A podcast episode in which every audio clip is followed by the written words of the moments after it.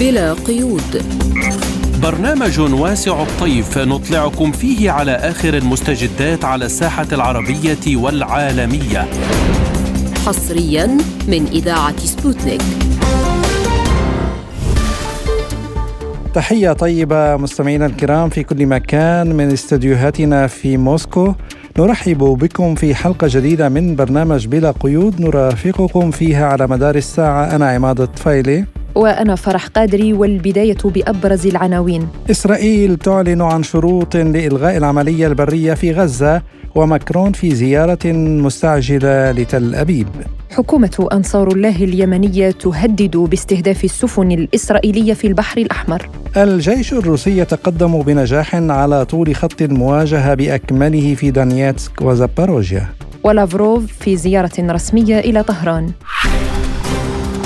لازلتم تستمعون إلى برنامج بلا قيود ونبدأ التفاصيل بملف الأزمة في قطاع غزة حيث رصدت عدسة سبوتنيك الشاحنات المحملة بالمساعدات الطبية والغذائية عند معبر رفح من الجانب المصري التي تستعد للدخول إلى قطاع غزة. وأعلنت العديد من الدول إرسال مساعدات إنسانية إلى غزة عبر مصر ومنها روسيا وتركيا وقطر والجزائر والأردن والكويت ودول أخرى. هذا وفي وقت سابق قال سلام معروف رئيس المكتب الإعلامي الحكومي في غزة إنه تم إبلاغ وكالة الأونروا بإرسال شاحنات لاستلام مساعدات في الموعد المحدد الذي كان من المفترض أن يكون الساعة الثانية ظهر يوم الأحد لكنها بقيت لنحو ثلاث ساعات ولم تتسلم شيئا. من جانبه صرح المتحدث الرسمي باسم الجيش الإسرائيلي بأنه سيتم إلغاء العملية البرية في قطاع غزة إذا أطلقت حماس سراح جميع المحتجزين واستسلمت دون قيد أو شرط. كما أعلن الجيش الإسرائيلي أنه عثر على USB يتضمن تعليمات لإنتاج أسلحة كيميائية كانت بحوزة أحد عناصر حماس القتلى الذين شاركوا في هجوم السابع من أكتوبر على حد قولهم. ووفقا لوسائل إعلام أمريكية فإن إدارة الرئيس جو بايدن نصحت إسرائيل بتأجيل الغزو البري لقطاع غزة بهدف كسب الوقت لإجراء مفاوضات بشأن الرهائن والسماح بوصول المزيد من المساعدات الإنسانية إلى القطاع. وذكر المسؤولون أن واشنطن تريد مزيدا من الوقت للتجهيز لأي هجمات محتملة ضد مصالحها في المنطقة من قبل الجماعات المدعومة من إيران حسب وصفهم كما أنه من المرجح أن تشتد الهجمات ضد المصالح الأمريكية في المنطقة بمجرد قيام إسرائيل بتحريك قواتها بالكامل في الداخل في غزة. لتفاصيل أكثر عن دخول هذه المساعدات عبر معبر رفح معنا من هناك الصحفي محمود الأمين. أهلا وسهلا بك أستاذ محمود وهل لك يعني أن تصف لنا الوضع هناك عند المعبر يعني هل حقيقة لم تدخل أي مساعدات للقطاع كما تم تداوله عبر وسائل الإعلام. ماشي يعني الحقيقة الوضع دلوقتي عند معبر رفح. امبارح آه، الساعة 12 الظهر اتبلغنا إن إحنا إن تجهيز شاحنات. الشاحنات عددها 15 شاحنة. تم دخولهم آه، بعد فحصهم بالاكس راي بعد كده بعد ما دخلت آه، وعدت بعدها الساعة 6 المغرب اتبلغنا إن إحنا نجهز عدد جديد من الشاحنات. الشاحنات الجديدة 20 شاحنة. تم يعني تم دخولها آه، الساعة 12 آه، ليلا وتجهيز دفعة أخرى آه، في الساعة 6 صباح اليوم حوالي من 15 ل 20 شاحنة بس هم لسه على جهاز الفحص والوزن وبيتم تجهيزهم لدخول الدفعة المفروض كده الدفعة الرابعة بإذن الله. يعني لسه ده في انتظار الدفعة الرابعة. يعني الحقيقة الوضع في غزة من خلال الصور ومن خلال الأخبار اللي بتوصل لنا من هناك هم محتاجين آه، شاحنات آه، أضعاف أضعاف أضعاف كل اللي موجود ده. آه، يعني هو لسه موجود هنا ما يقرب من 200 شاحنة على معبر رفح. في انتظار دخولها إن شاء الله خلال الأيام المقبلة. طيب بالنسبة للمخاطر التي تواجه المسؤولين عن إيصال المساعدات من المعبر في ظل القصف المستمر من الجيش الإسرائيلي لا الحقيقة الحمد لله القصف كان بعيد لحد ما ما عطلش المعبر ما فيش أي تعطيل لحركة الدخول. الحمد لله التنسيق أو يعني القوات المصرية متواجدة بيعالجوا أي موقف أو أي تعطل في الدخول. بس الحقيقة يعني الدخول بطيء شوية أو دخول الشاحنات بطيئة إلى حد ما. دفعات يعني 20 سيارة وحوالي يعني كل دفعة من 15 ل 20 سيارة ف... والوضع في غزة ما ينفعش يستمر كده أو أو نتأخر عليه للدرجة دي نفضل قاعدين أيام ويوم بيعدي ورا يوم والمساعدات مش مش بتدخل أو مش بتوصل لإخواتنا في غزة فده بيسبب خطورة على الوضع هناك القائم في غزة. بتمنى بتمنى خلال الساعات الجاية دي نقدر ندخل ال 200 شاحنة المستمرين وفي القاهرة بيتجهز ضعفهم 10 مرات ضعف اللي موجود هنا على المعبر بس في انتظار التحرك من القاهرة بمجرد ما يدخل أو يخلصوا ال 200 شاحنة هنا ويتم دخولهم على على الفور هيبقى في ضعفهم 10 من 10 مر ضعفهم 10 مرات. إن شاء الله بيتوجهوا من القاهرة ومن كل المحافظات عشان يروحوا المعبر رفح ويوصلوا لإخواتنا في غزة. وده يعني دي مشاركة بسيطة لإخواتنا أو نقدر نقدمها لإخواتنا في غزة. ده أقل ما يمكن أن نقدمه في الوقت الحالي. يعني تتحدث عن التعطيل، إلى ماذا يعود هذا التعطيل؟ هل السلطات المصرية تنتظر الضوء الأخضر من إسرائيل ربما؟ الحقيقة دي دي حاجة ترجع للقيادة السياسية. إحنا يعني ما عندناش معلومات إيه اللي معطل أو ربما يكون القصف الجانب الثاني ممكن يكونوا خايفين على الشاحنات أو يعني الهلال الأحمر الفلسطيني غير جاهز إن هو يستلم الشاحنات. هل بيتعرضوا لتهديدات هناك في غزة أم لا؟ إنما هنا إحنا المعبر معبر رفح هو مفتوح ويعني وممكن طبيعي جدا يدخل في أي وقت الشاحنات أو المساعدات لكن الجانب الآخر من غزة يعني ممكن ما يتمش استلام المساعدات فكده ما توصلش أو ما يعرفوش يوصلوها لأهلنا في غزة. نعم شكرا لك الصحفي محمود الأمين. ولمناقشة هذا الموضوع أكثر نستضيف معنا المختص بالشؤون الإقليمية والدولية الدكتور محمد اليمني أهلا وسهلا بك دكتور محمد وشكرا لتواجدك اليوم معنا في بلا قيود تحياتي لحضرتك وتحياتي للسادة المستمعين وشكرا على الاستضافة. يعني ما يحدث في قطاع غزة والشروط التي تحاول إسرائيل وضعها والضغط بها على الجانب الفلسطيني يعني هل برأيك ستستجيب حماس لمطالب إسرائيل؟ لا في هذا التوقيت وخاصة بعد عملية طوفان الأقصى وما حققته حماس من هزائم كثيرة جدا مني بها مرمى الاحتلال الإسرائيلي لم تعد حماس تستجب لمطالب الاحتلال الإسرائيلي في هذا التوقيت الحرج لأن إذا نظرنا في الواقع الآن يوجد ترتيب وتنسيق وتخطيط من قبل الاحتلال الإسرائيلي وكذلك أيضا الولايات المتحدة الأمريكية للاجتياح البرية. ومنذ قليل قرأت بأن بنيامين نتنياهو أو الاحتلال الإسرائيلي وقف عملية الاجتياح البري حتى يتم مساعدة الولايات المتحدة الأمريكية وإرسال بعض الأسلحة المتطورة في البدء في هذا الهجوم، هذه أيضا نقطة، النقطة الأخرى حماس لم تستجب لمطالب الاحتلال الإسرائيلي، لماذا؟ لأن يوجد الآن يوم الثامن من أكتوبر إلى وقتنا هذا أكثر من أربعة ألاف شهيد وجرحى بالآلاف من قبل الاحتلال الإسرائيلي. الآن يتم إبادة الشعب الفلسطيني من مجازر ومن جرائم يحاسب عليها القانون الدولي.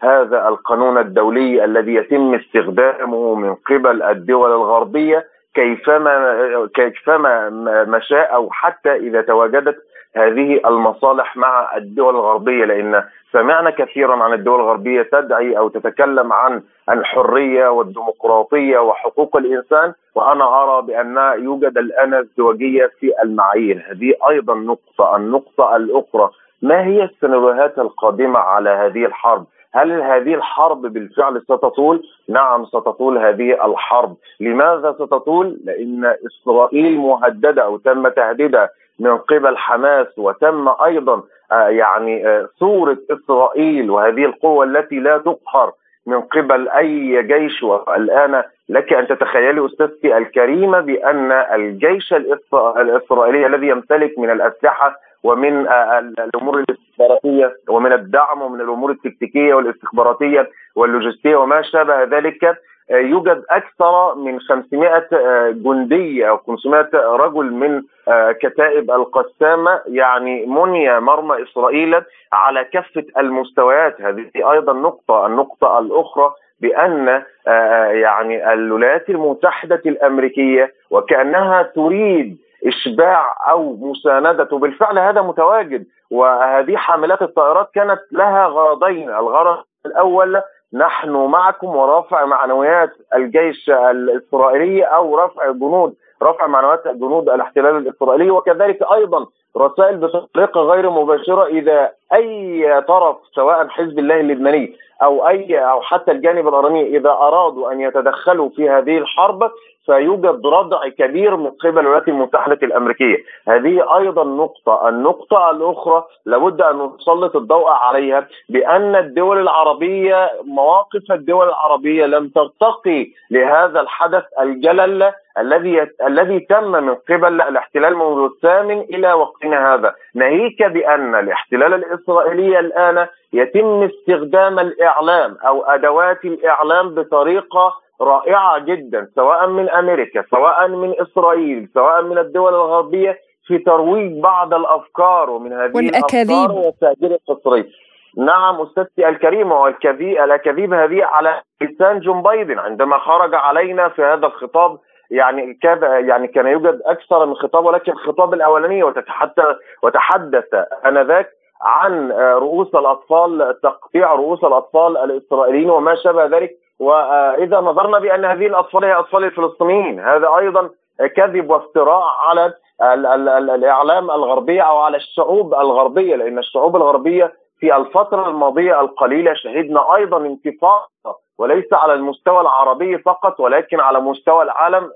عندما نشاهد في بريطانيا أكثر من مئة ألف ويوجد أيضا مواطنين بريطانيين وأيضا في الولايات المتحدة الأمريكية وفي دول الغرب كلها هذا يدل على أن يعلمون جيدا بأن الاحتلال الإسرائيلي خاصة بنيامين نتنياهو أستاذتي الكريمة بنيامين نتنياهو آه يعني هو أنا أراه من وجهة نظري يلتقط أنفاسه الأخيرة حتى لم يتم التقاط أنفاسه الأخيرة فهو مستمر في هذا النهج، مستمر في هذه الحرب، لماذا؟ لأنه يريد إعادة ثقته أو ثقة الشعب الإسرائيلي فيه وأيضا ثقة الشعب في الجيش وفي الاستخبارات وكل مؤسسات الدولة. ولكن هذا لم يحدث إلى وقتنا هذا. الآن في اللحظة التي أتكلم معك فيها يوجد احتجاجات ويوجد مظاهرات في الداخل الإسرائيلية ينددون أيضا بما يفعله بنيامين نتنياهو هذا اليميني المتطرف الفاشي الذي كان متوقعا بأن تتم كل هذه المجازر منذ أن جاء في العام الماضي.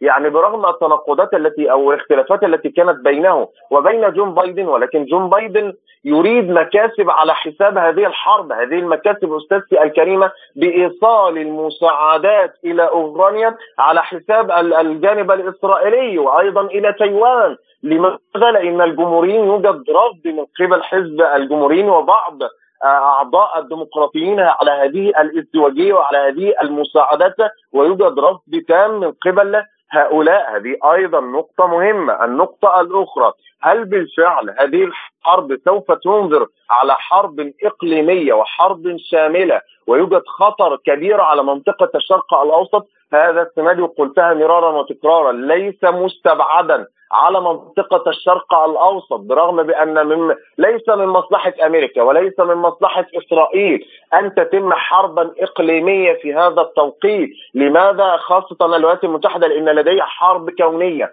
مع الجانب الروسي والجانب الصيني وأيضا الحرب الروسية الأوكرانية في هذا التوقيت.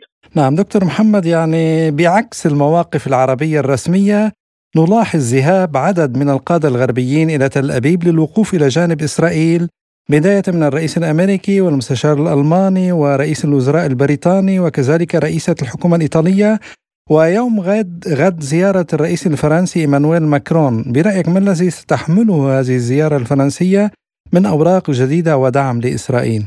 ليس ليس ليس يوجد جديد أستاذي الكريم ولكن الجديد هو هو الدعم المستمر للاحتلال الإسرائيلي من الدول الغربية.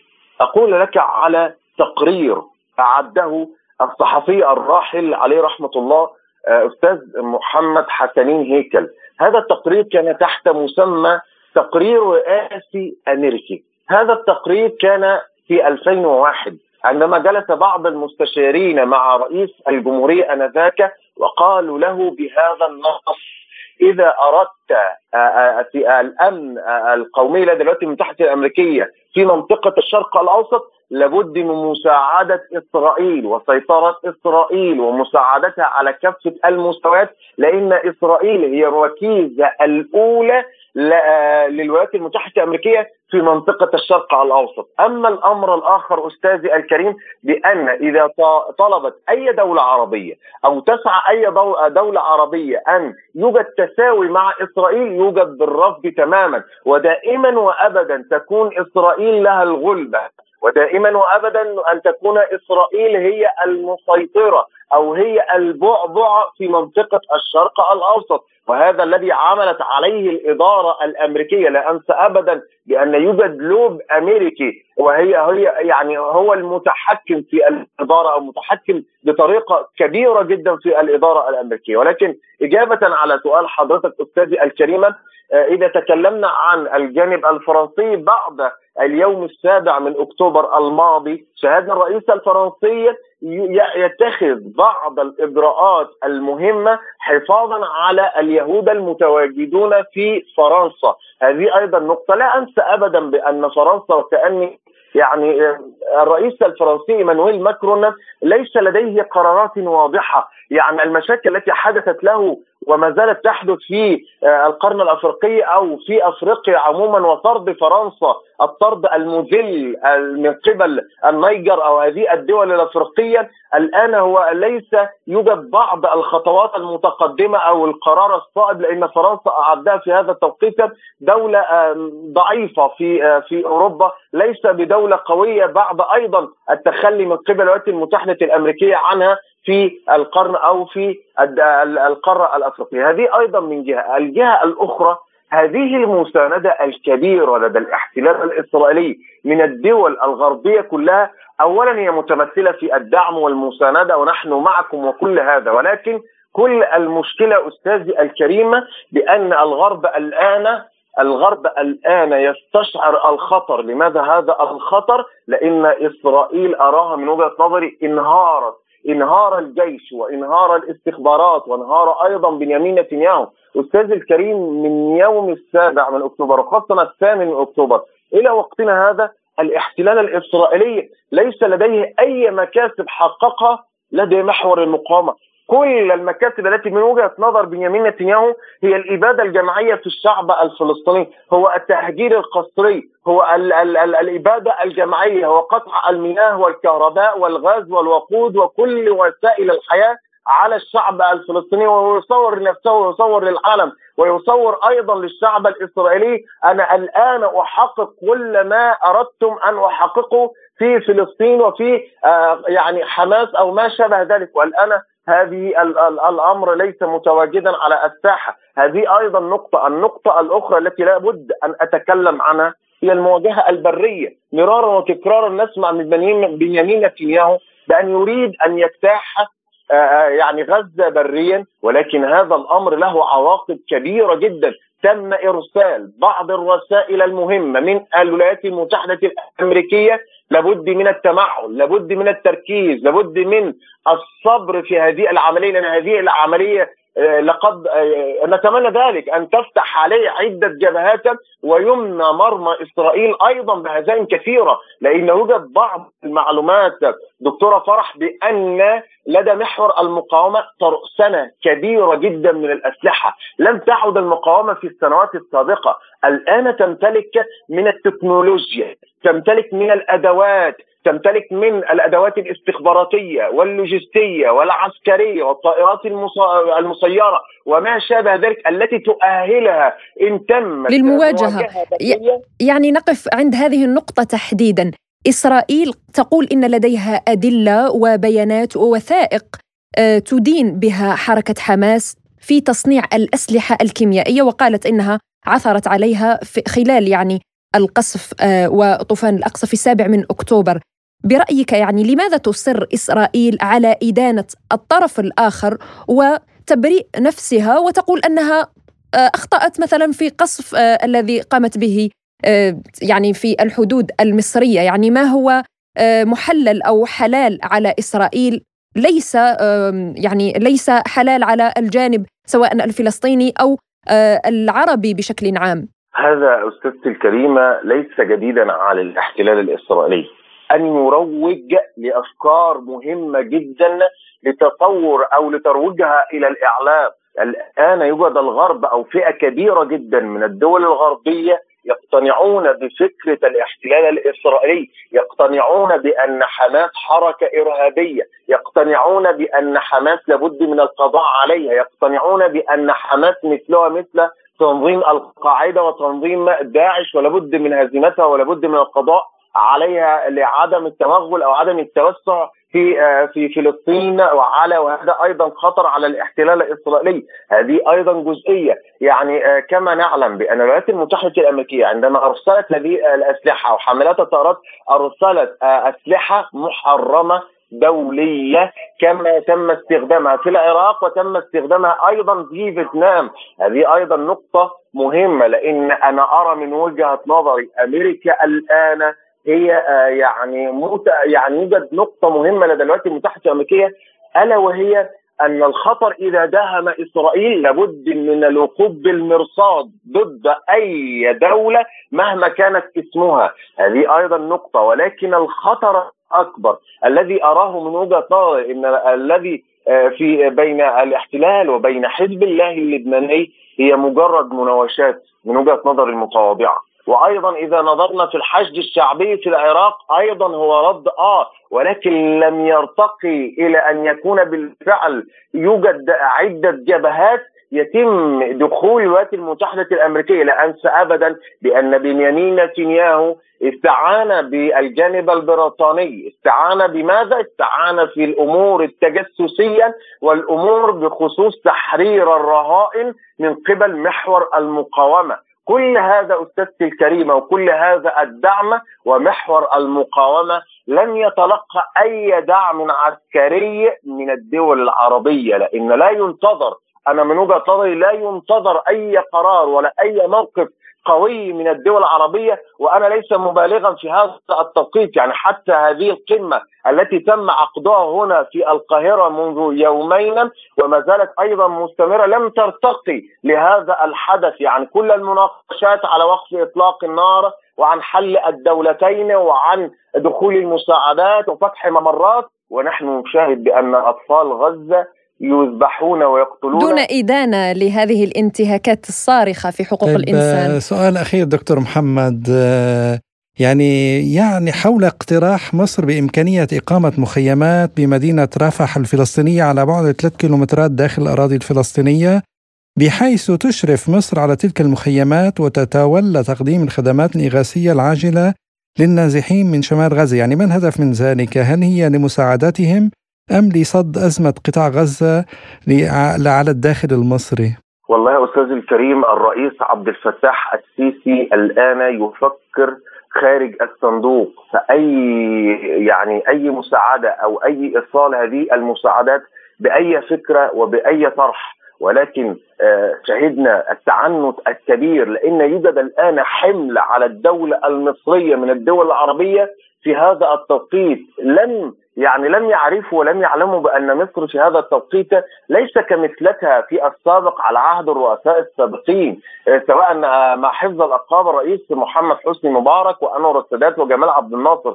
مصر بعد 2011 مرت بعدة أزمات كثيرة على كافة المستويات وعانت على كافة المستويات وهذا أيضا له دلالة أخرى. لم لم يعني أنا لم أخفي قدرا أو لا لم أن أخفض قدر الرئيس عبد الفتاح السيسي من جهود في آه، على المستويات الإقليمية والدولية وتكثيف الاتصالات وتكثيف قنوات وفتح قنوات اتصالات مع الأمم المتحدة والمنظمات الدولية والمنظمات الحقوقية لهذه المساعدات الإنسانية. هذه أيضا نقطة. النقطة الأخرى الرئيس المصري لديه تخوف كبير وأيضا الجيش المصري لديه تخوف كبير بخصوص آه، يعني هذا الملف الذي له علاقة بتهجير الفلسطينيين ومن ثم يجوا إلى شمال سيناء ومن ثم محور المقاومة تضرب من شمال سيناء إلى الاحتلال الإسرائيلي وسوف نرى بأن مصر تدخل في هذه الحرب ويعني يوجد خطر كبير لأن الولايات المتحدة الأمريكية وإسرائيل كان وما زالوا لديهم آه، ثلاث دول مهمين جدا. سوريا لم نسمع عن سوريا بعد 2011 العراق كما فعل فيها أو كما فعلت الولايات المتحدة الأمريكية فيها آه، في السنوات الماضية. ومصر عليها الدور لأن مصر ما زالت هي لها ثقل في منطقة وعصب الش يعني الشمال الإفريقي والشرق الأوسط. نعم. صحيح دكتورة فرح. صحيح. نعم نشكرك المختص بالشؤون الإقليمية والدولية الدكتور محمد اليمني على هذه المداخلة القيمة.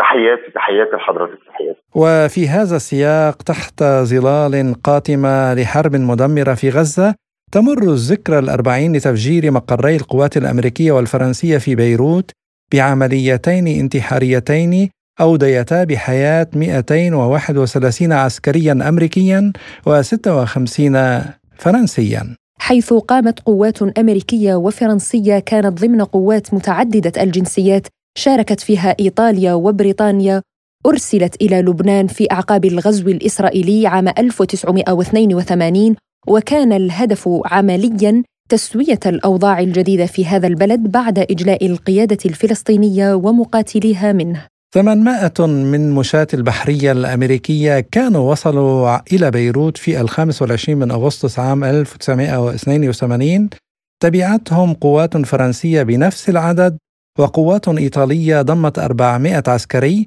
وانضمت لاحقا وحدة عسكرية بريطانية. واللافت أن الولايات المتحدة كانت قد تعرضت لضربة موجعة في لبنان في الثامن عشر من أبريل 1983 حين فجر انتحاري كان يقود سيارة مفخخة مبنى السفارة الأمريكية في بيروت ما تسبب وقتها في مقتل 63 شخصاً من بينهم 17 أمريكياً حسب ما تقول تقارير إن نحو نصفهم يعمل في وكالة الاستخبارات المركزية.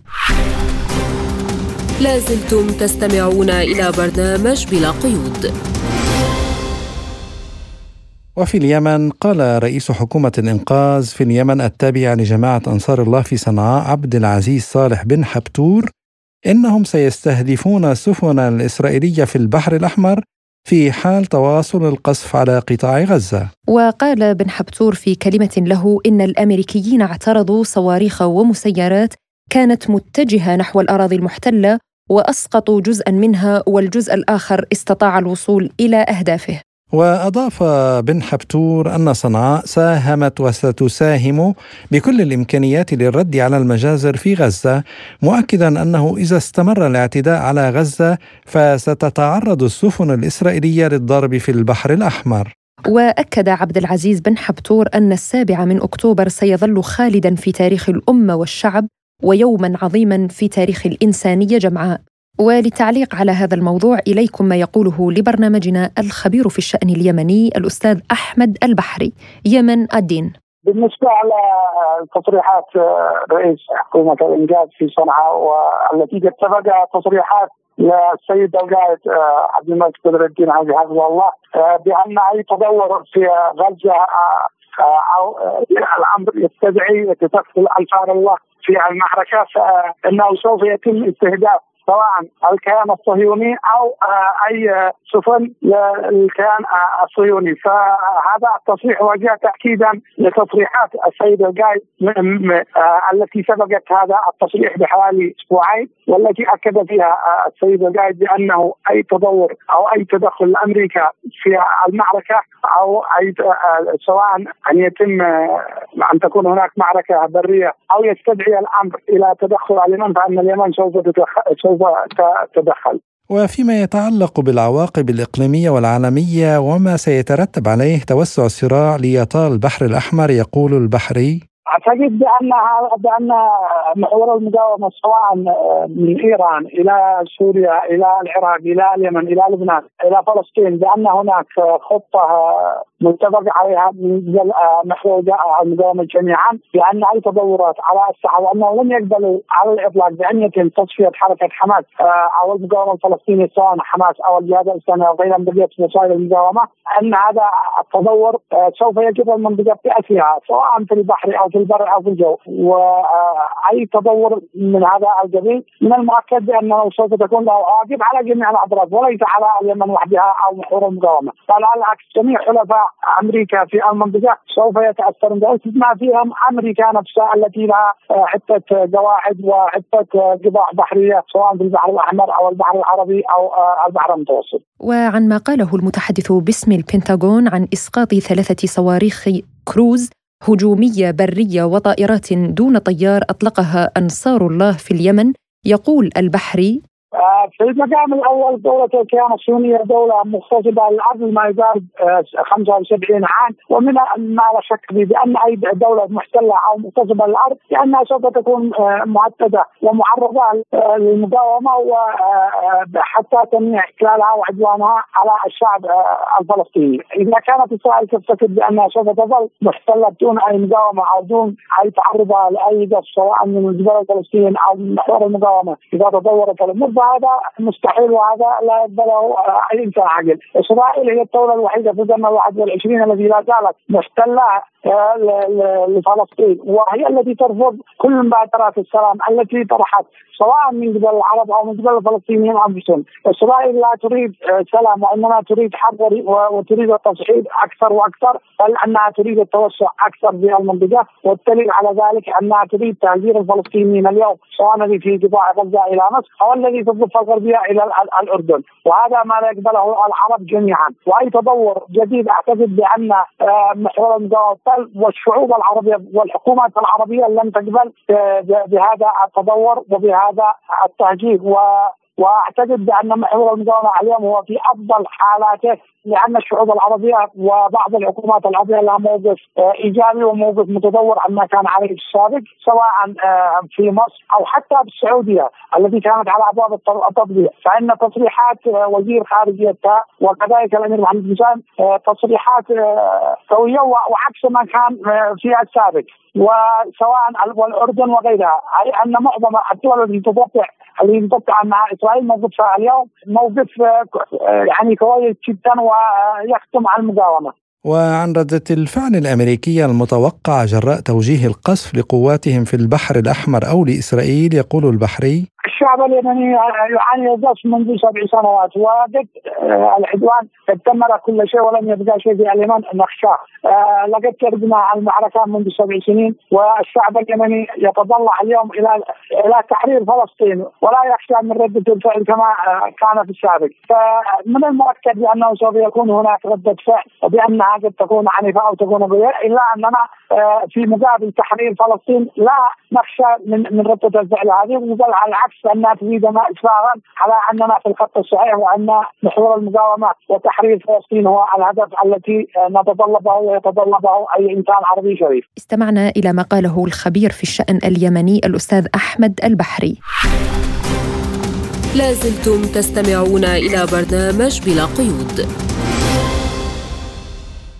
وفي الملف الأوكراني صرح مستشار رئيس جمهورية دانيتسك الشعبية يان جاجين في حديث لوكالة سبوتنيك بأن الجيش الروسي تقدم بثقة على طول خط المواجهة بأكمله في الأسابيع الأخيرة وعلى وجه الخصوص تم تحقيق النجاح في اتجاهين في وقت واحد في دانيتسك. منذ بدء العمليات النشطة من جانبنا في غضون أسبوعين إلى ثلاثة أسابيع فقد العدو عددا كبيرا من أفراده ويقدر ذلك بالآلاف وفقد أيضا مئات الآليات العسكرية. بالنسبة لمسألة توريد الأسلحة الأجنبية لأوكرانيا فقد بدأت بالنفاذ بدون أن تتجدد الإمدادات، لذلك أوكرانيا بدون ذلك لن يكون لديها القدرة على الاستمرار.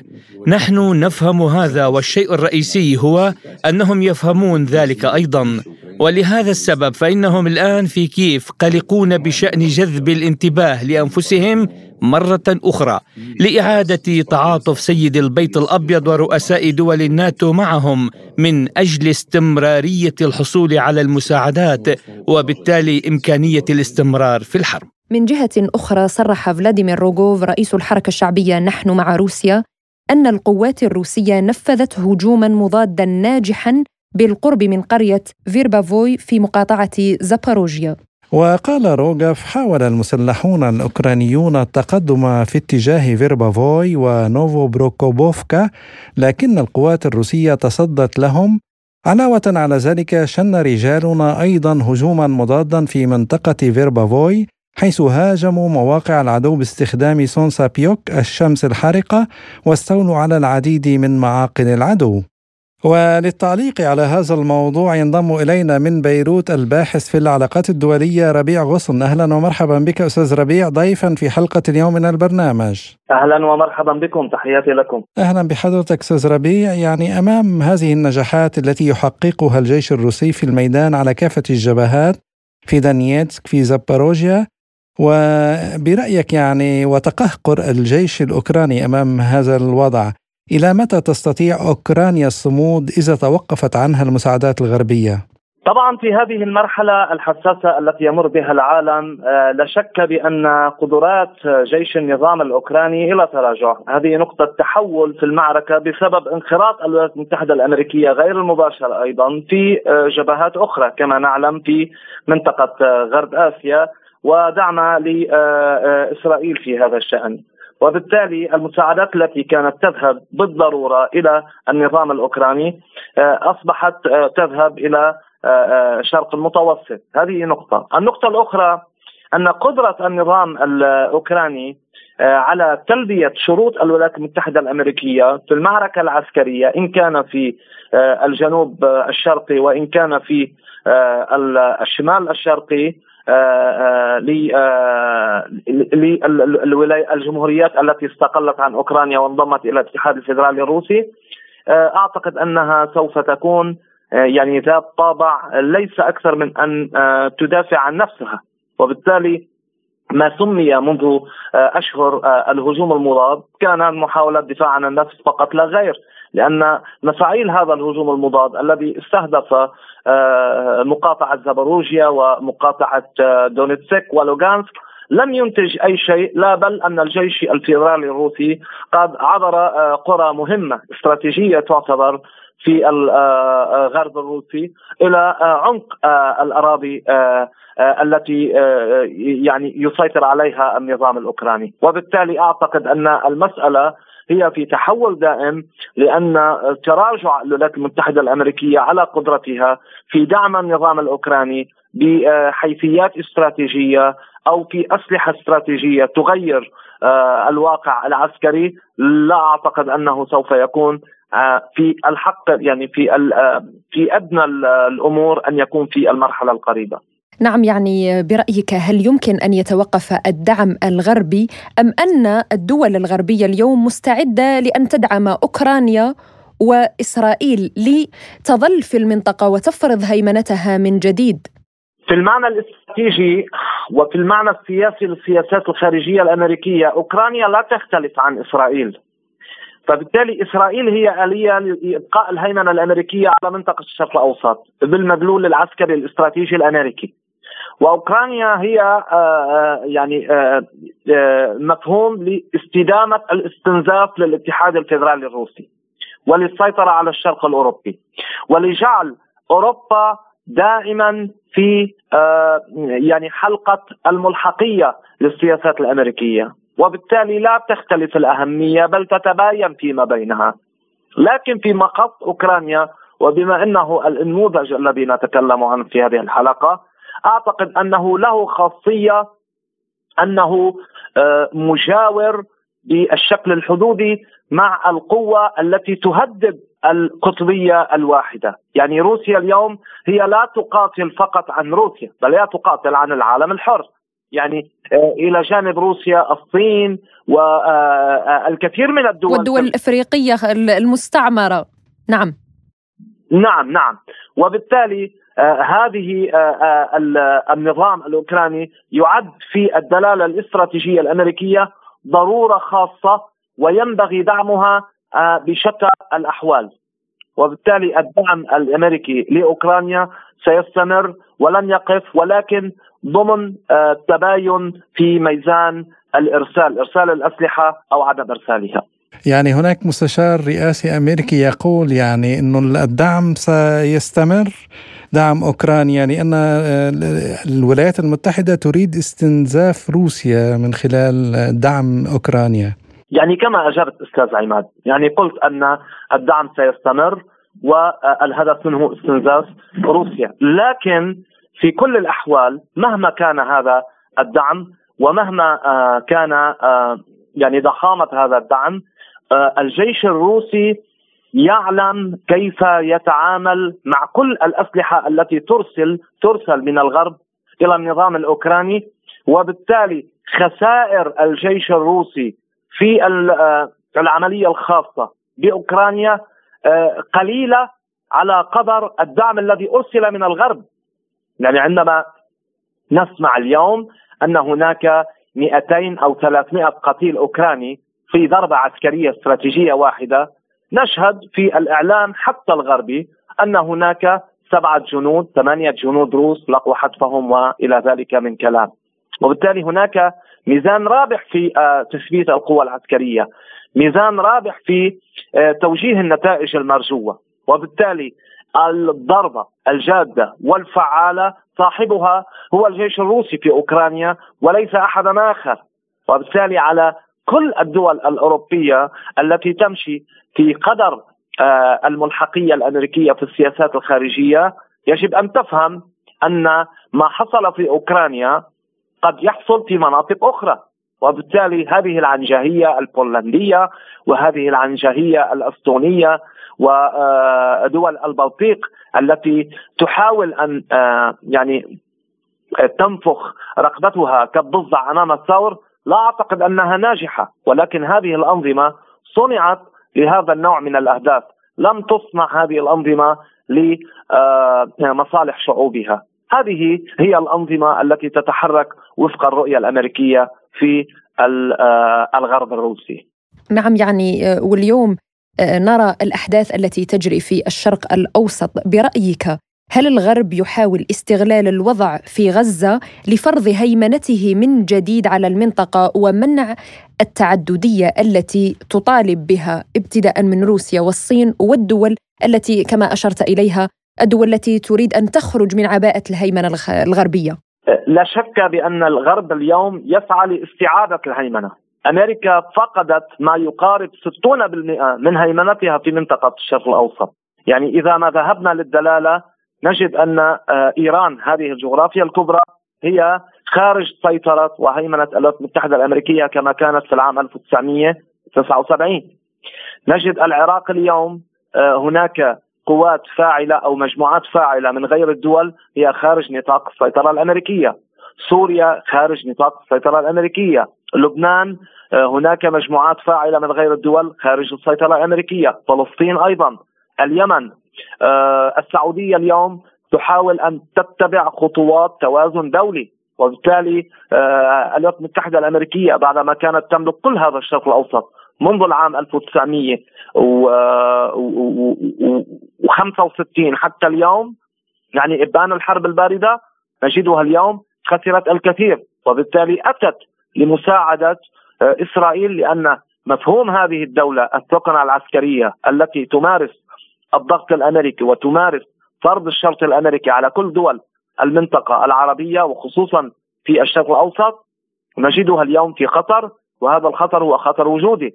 لذلك دفعت الولايات المتحدة الأمريكية باساطيلها إلى الشرق المتوسط وحتى دفعت بقوات خاصة وعسكرية على البر الفلسطيني بالإضافة إلى الدعم البريطاني والدعم الدنماركي والدعم الفرنسي. كل هذه الأمور نجدها في نقطة واحدة هي أن إسرائيل سقطت وسقوط إسرائيل يعني ما يعنيه بأن مشروع الولايات المتحدة الأمريكية في منطقة غرب آسيا أصبح على شفير الهاوية وسيسقط حتما إذا لم يكن هناك تدخل أمريكي مباشر. وأنا أستدل هنا من كلامي من المنظومة الفكرية الاستراتيجية الأمريكية ما يقوله نائب وزير الدفاع الأمريكي السابق ريتشارد هاس أن ما تفعله الولايات المتحده الأمريكية اليوم هو حرب الضرورة وليس حرب الاختيار وبالتالي لا خيار الولايات المتحدة الأمريكية إلا إلا أن الانخراط المباشر في المعركة في غزة وأعتقد أن هذه المسألة لها مدلولها على الأرض وفي الواقع العسكري والاستراتيجي. نعم نشكرك الباحث في العلاقات الدولية الأستاذ ربيع غصن على هذه المداخلة شكرا لك. شكرا جزيلا أستاذ ربيع. شكرا لكم. لازلتم تستمعون إلى برنامج بلا قيود. ونواصل في الشأن الروسي وإلى زيارة وزير الخارجية الروسي سيرجي لافروف إلى طهران للمشاركة في الاجتماع الوزاري للمنصة التشاورية الإقليمية ثلاثة زائد ثلاثة حول جنوب القوقاز. وللوقوف أكثر على تبعات هذه الزيارة والهدف منها نستضيف معنا الخبير بالشأن الإيراني الأستاذ ياسين عزيز. أهلا وسهلا بك.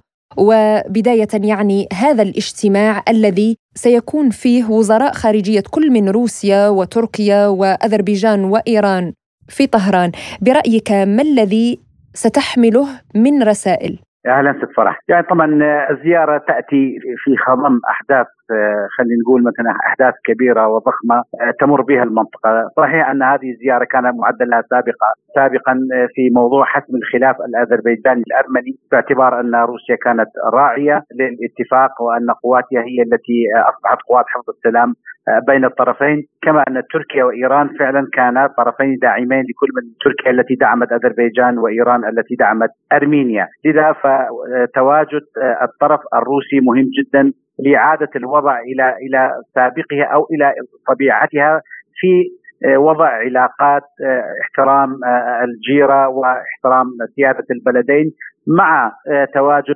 دول كانت ترعى وتدعم هذه الدول لذا فالزيارة وإن كانت كما قلت هي معدة مسبقا لحسم الخلاف الأذربيجاني الارمني لكنها تأتي في مرحلة حساسة جدا تمر بها المنطقة خاصة بعد الحرب الإسرائيلية على قطاع غزة. من المتوقع مناقشة مسألة تطبيع العلاقات الأذربيجانية والأرمينية ومفاوضات السلام بين الجانبين هل برأيك سيتوصل الطرفان لحل وسطي؟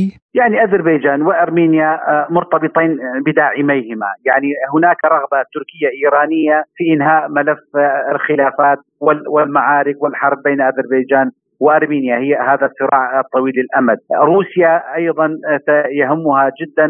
أن يكون هناك استقرار في جمهوريات الاتحاد السوفيتي السابقة، لذا فهدف روسيا والهدف التركي والإيراني يكاد يكون واحدا في ضمان استقرار المنطقة وإنهاء ملف الصراع بين أذربيجان وأرمينيا، تواجد الثلاثي الروسي التركي الإيراني في هذا الملف أنا باعتقادي سيكون مؤثر جدا نحو تحقيق هذا السلام والاستقرار وإنهاء ملف الصراع بين البلدين. نعم يعني الأزمة في قطاع غزة كانت في السابق قد جرت محادثات بين الرئيس الإيراني والروسي والتركي حول الوضع في غزة لوقف هذا القصف، يعني هل من الممكن أن نرى تدخلا من هذه الدول قد يكون عسكريا يعني التدخل العسكري أنا أستبعد أن يكون هناك استعداد سواء كان روسيا أو إيران وحتى تركيا تركي في موضوع التدخل العسكري في قطاع غزة، سيكون التدخل تدخل ضغط أوراق سياسية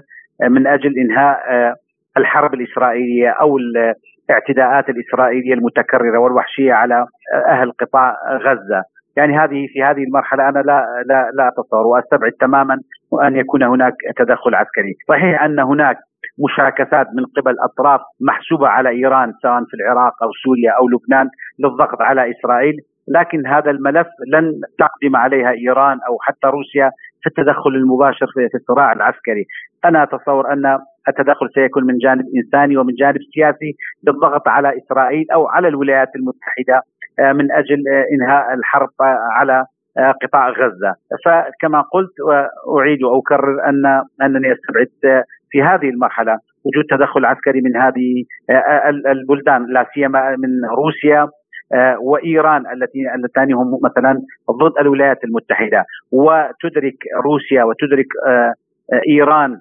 حساسية أي تدخل عسكري في هذه المرحلة خاصة وأن الولايات المتحدة الآن وبعد انشغالها الكبير في أزمة أوكرانيا الآن بدأت تعيد التموضع السياسي والعسكري في منطقة الشرق الأوسط بعدما شعرت الولايات المتحدة أن دورها ونفوذها بدأت بدأت بالتراجع كما قلت بعد انشغالها بأزمة أوكرانيا، لذا فالأوراق ستكون سياسية وحتى وإن كانت عسكرية فتكون كما قلت بالوكالة وبالنيابة وعن طرق غير مباشرة. أستاذ ياسين هل يمكن لهذه الدول أن تضغط على الغرب وإسرائيل للتراجع عن القصف المستمر؟ وما دور إيران وروسيا في حل النزاع في القطاع برأيك؟ ما هي هذه الأوراق التي قد تستعملها هذه الدول؟ أكيد لروسيا دور مؤثر وكبير وأيضا إيران لها نفوذ ودور كبير في المنطقة، يعني كما قلت يعني التلويح آه، بالأعمال العسكرية إن كنت أستبعدها، لكن سيكون هناك أمور عسكرية كما نشهدها في العراق وحتى في سوريا ولبنان يعتبر يعني نوع من الضغط. لكن الضغط كما قلت سيركز على على الجانب السياسي على الولايات المتحدة الداعمة الرئيسية لإسرائيل في هذه المرحلة. من أجل إيقاف نزيف الدم أو حمام الدم الذي نراه للأسف في قطاع غزة يوميا. هذا الضغط يعني هذا الإحراج وإن كان إسرائيل لا تشعر به لأنها خرجت يعني أو من هزيمة نفسية بعد هجوم حماس في 7 10 لكن الولايات المتحدة تدرك أن آه، العداء وأن آه، الكراهية التي بدأت تتزايد على الولايات المتحدة وعلى سمعة الولايات المتحدة وعلى مكانة الولايات المتحدة سواء في الدول العربية والإسلامية وحتى في الدول العالمية. وما شهدنا تحول نوعي في مواقف كثير من الشعوب حتى في داخل الولايات المتحدة. وفي أوروبا أنا أتصور أن كل هذه الأمور يمكن أن تدعم من خلال آه، روسيا أو إيران أو أي آه، دولة أخرى مؤثرة من أجل آه، إجبار إسرائيل وكما قلت قبل إسرائيل الولايات المتحدة على التدخل بقوة ووقف نزف الدم في فلسطين. نعم نشكرك الخبير بالشأن الإيراني الأستاذ ياسين عزيز على هذه المداخلة. لازلتم تستمعون إلى برنامج بلا قيود. وإلى ملفنا الأخير في هذه الحلقة صرح الصحفي الألماني فولفانغانغ ميونخاو بأن أوروبا عانت من الضرر الناجم عن العقوبات المناهضة لروسيا أكثر من روسيا نفسها وأن الاتحاد الأوروبي قد ينهار في المستقبل. وكتب ميونخاو في مقالة لمجلة بريطانية لقد ألحقت العقوبات أضرارا أكبر بالاتحاد الأوروبي مما ألحقته بروسيا لقد قلل الزعماء الغربيون من تقدير مدى صعوبة عزل دولة بهذا الحجم. وذكر الصحفي الألماني أن صندوق النقد الدولي يتنبأ بأن الاقتصاد الروسي وفق نتائج عام 2023 سينمو أكثر من اقتصادات بريطانيا وفرنسا وألمانيا وإيطاليا. كما عبر عن اعتقاده بأن الحرب في أوكرانيا أدت إلى إجهاد قوى الاتحاد الأوروبي إلى أقصى حد ممكن مضيفا أن القادة الأوروبيين ليس لديهم أي استراتيجية مشتركة لإنهاء الصراع. وأشار ميان خاو إلى أن تكلفة إعادة إعمار أوكرانيا بعد انتهاء النزاع ستكون أكبر بكثير مما تتوقعه التقديرات الحالية. ويعتقد الصحفي الألماني أن الوحدة الأوروبية ستتصدع عندما يحين الوقت للتوصل إلى اتفاق مع موسكو ودفع مبالغ ضخمة من أجل إعادة إعمار أوكرانيا. وللتعليق على هذا الموضوع إليكم ما يقوله لبرنامجنا الخبير الاقتصادي والمالي الدولي الدكتور محمد موسى. لا شك اطلعنا على المقال الصادر عبر كاتب ألماني وبكل بساطة الاقتصاد الروسي منذ آه، الحرب الروسية الأوكرانية دائرة أثبت مرونة غير مسبوقة يشهد بالسيدة أليفيرا نابوليانا محافظة البنك المركزي وسيد سينونوف وزير المالية القدرة على الحفاظ على الروبل وهنا كانت المعركة الكبرى بالحفاظ على جملة الاقتصاد. بداية الأمر كان معظم المحللين الروس والعالميين يتوقعون انكماشا هائلا وانخفاضا بالاقتصاد الروسي وأن العقوبات ستؤتي أكلها إلى آخر الخط ولكن أثبتت روسيا مرونة غير مسبوقة بتنويع اقتصادها بالقدرة على الحفاظ على مكامن القوة. في هذا الاقتصاد الذي يتمتع بأنه يمتلك سلع دولية أساسية وكبيرة لا سيما نتحدث عن آه، سلع النفط والغاز ونحن نتحدث عن أحد عمالقه النفط والغاز وما يمثل من سلع حيوية القمح وما أدراك كما القمح رغيف الناس الذي لعب الغرب مرارا. على استخدامه كسلاح وعاد على روسيا. واليوم نحن لازلنا لا نشهد اتفاق جديد والعديد من الدول بحاجة إلى كل حبة قمح بفعل عدم التزام الدول الغربية مع الأمم المتحدة. ومع موسكو باتفاقية اسطنبول أيضا الاسمده الزراعية والاسمده على مستوى المنطقة. وبالتالي هذه سلعه دوليه كان لها كما نقول آه، الفعل الأساسي في تجديد آه، روسيا. آه، ويلات العقوبات وهنا دعيني أشير إلى الإشادة بالدبلوماسية الروسية الهائلة. في تعاطيها مع الدول ورسم علاقات دولية كما نقول باللبناني بميزان الجوهرجي. وكان للوزير لافلوف والقيادة الروسية يعني كما نقول باع طويل في التعاطي مع العقوبات الغربية. كل هذا جنب روسيا مفاعيل هذه العقوبات ولكن هذه العقوبات؟ نعم. قد تكون اذت الاقتصاد الروسي بمكان ما والكل يشهد بذلك وهذا يعيب روسيا. ولكن ولكن للمفارقة أن مفاعيل هذه العقوبات أتى على الدول الغربية أقصى مما أتى على روسيا. ولنا أن نستشهد ما يجري اليوم في الاقتصاد العالمي. انظر إلى إفلاسات البنوك في الولايات المتحدة.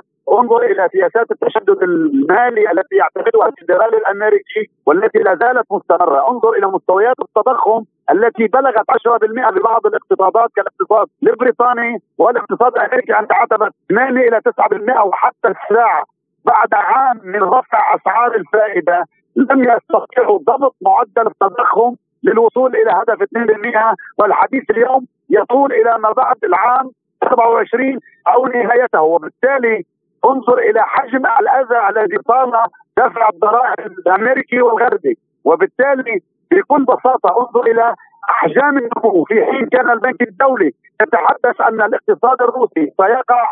اليوم يتحدث أن آه الاقتصاد الروسي قد يكون الأكثر والأسرع نموا بين دول العشرين الاقتصادية الكبرى. بحدود ما يفوق 2.2 إلى حدود 2.8 في حين أن الاقتصادات الغربية الأساسية الاقتصاد الألماني والاقتصاد البريطاني بدا يعاني.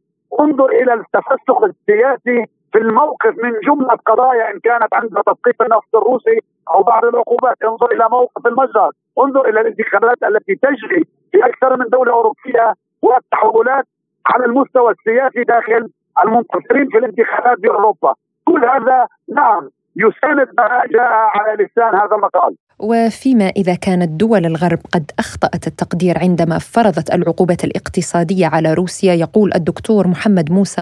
أنت لا تتحدث عن دولة هامشية أنت تتحدث عن الاتحاد الروسي بما يمثل ثقل عملاق على مستوى الغاز بين الدول الأوائل عملاق على مستوى النفط في أوبك وأوبك النفط التي ساندت روسيا وساندت نفسها بالحفاظ على أسواق الطاقة. والحفاظ على أسعار الطاقة عالميا والحفاظ على مصالحها أكثر من ذلك الازمده السلع الزراعية الدولية الأساسية. نتحدث عن القمح وروسيا وما تمثل ومعها أيضا أوكرانيا. وبالتالي لعبة تثقيف النفط الروسي وتثقيف أسعار الغاز الروسي وحظر الاسلحه الروسية سيما القمح كان لابد أن تأتي بنتائج فاشلة. أنت تتحدث عن عملاق كبير على مستوى العالم.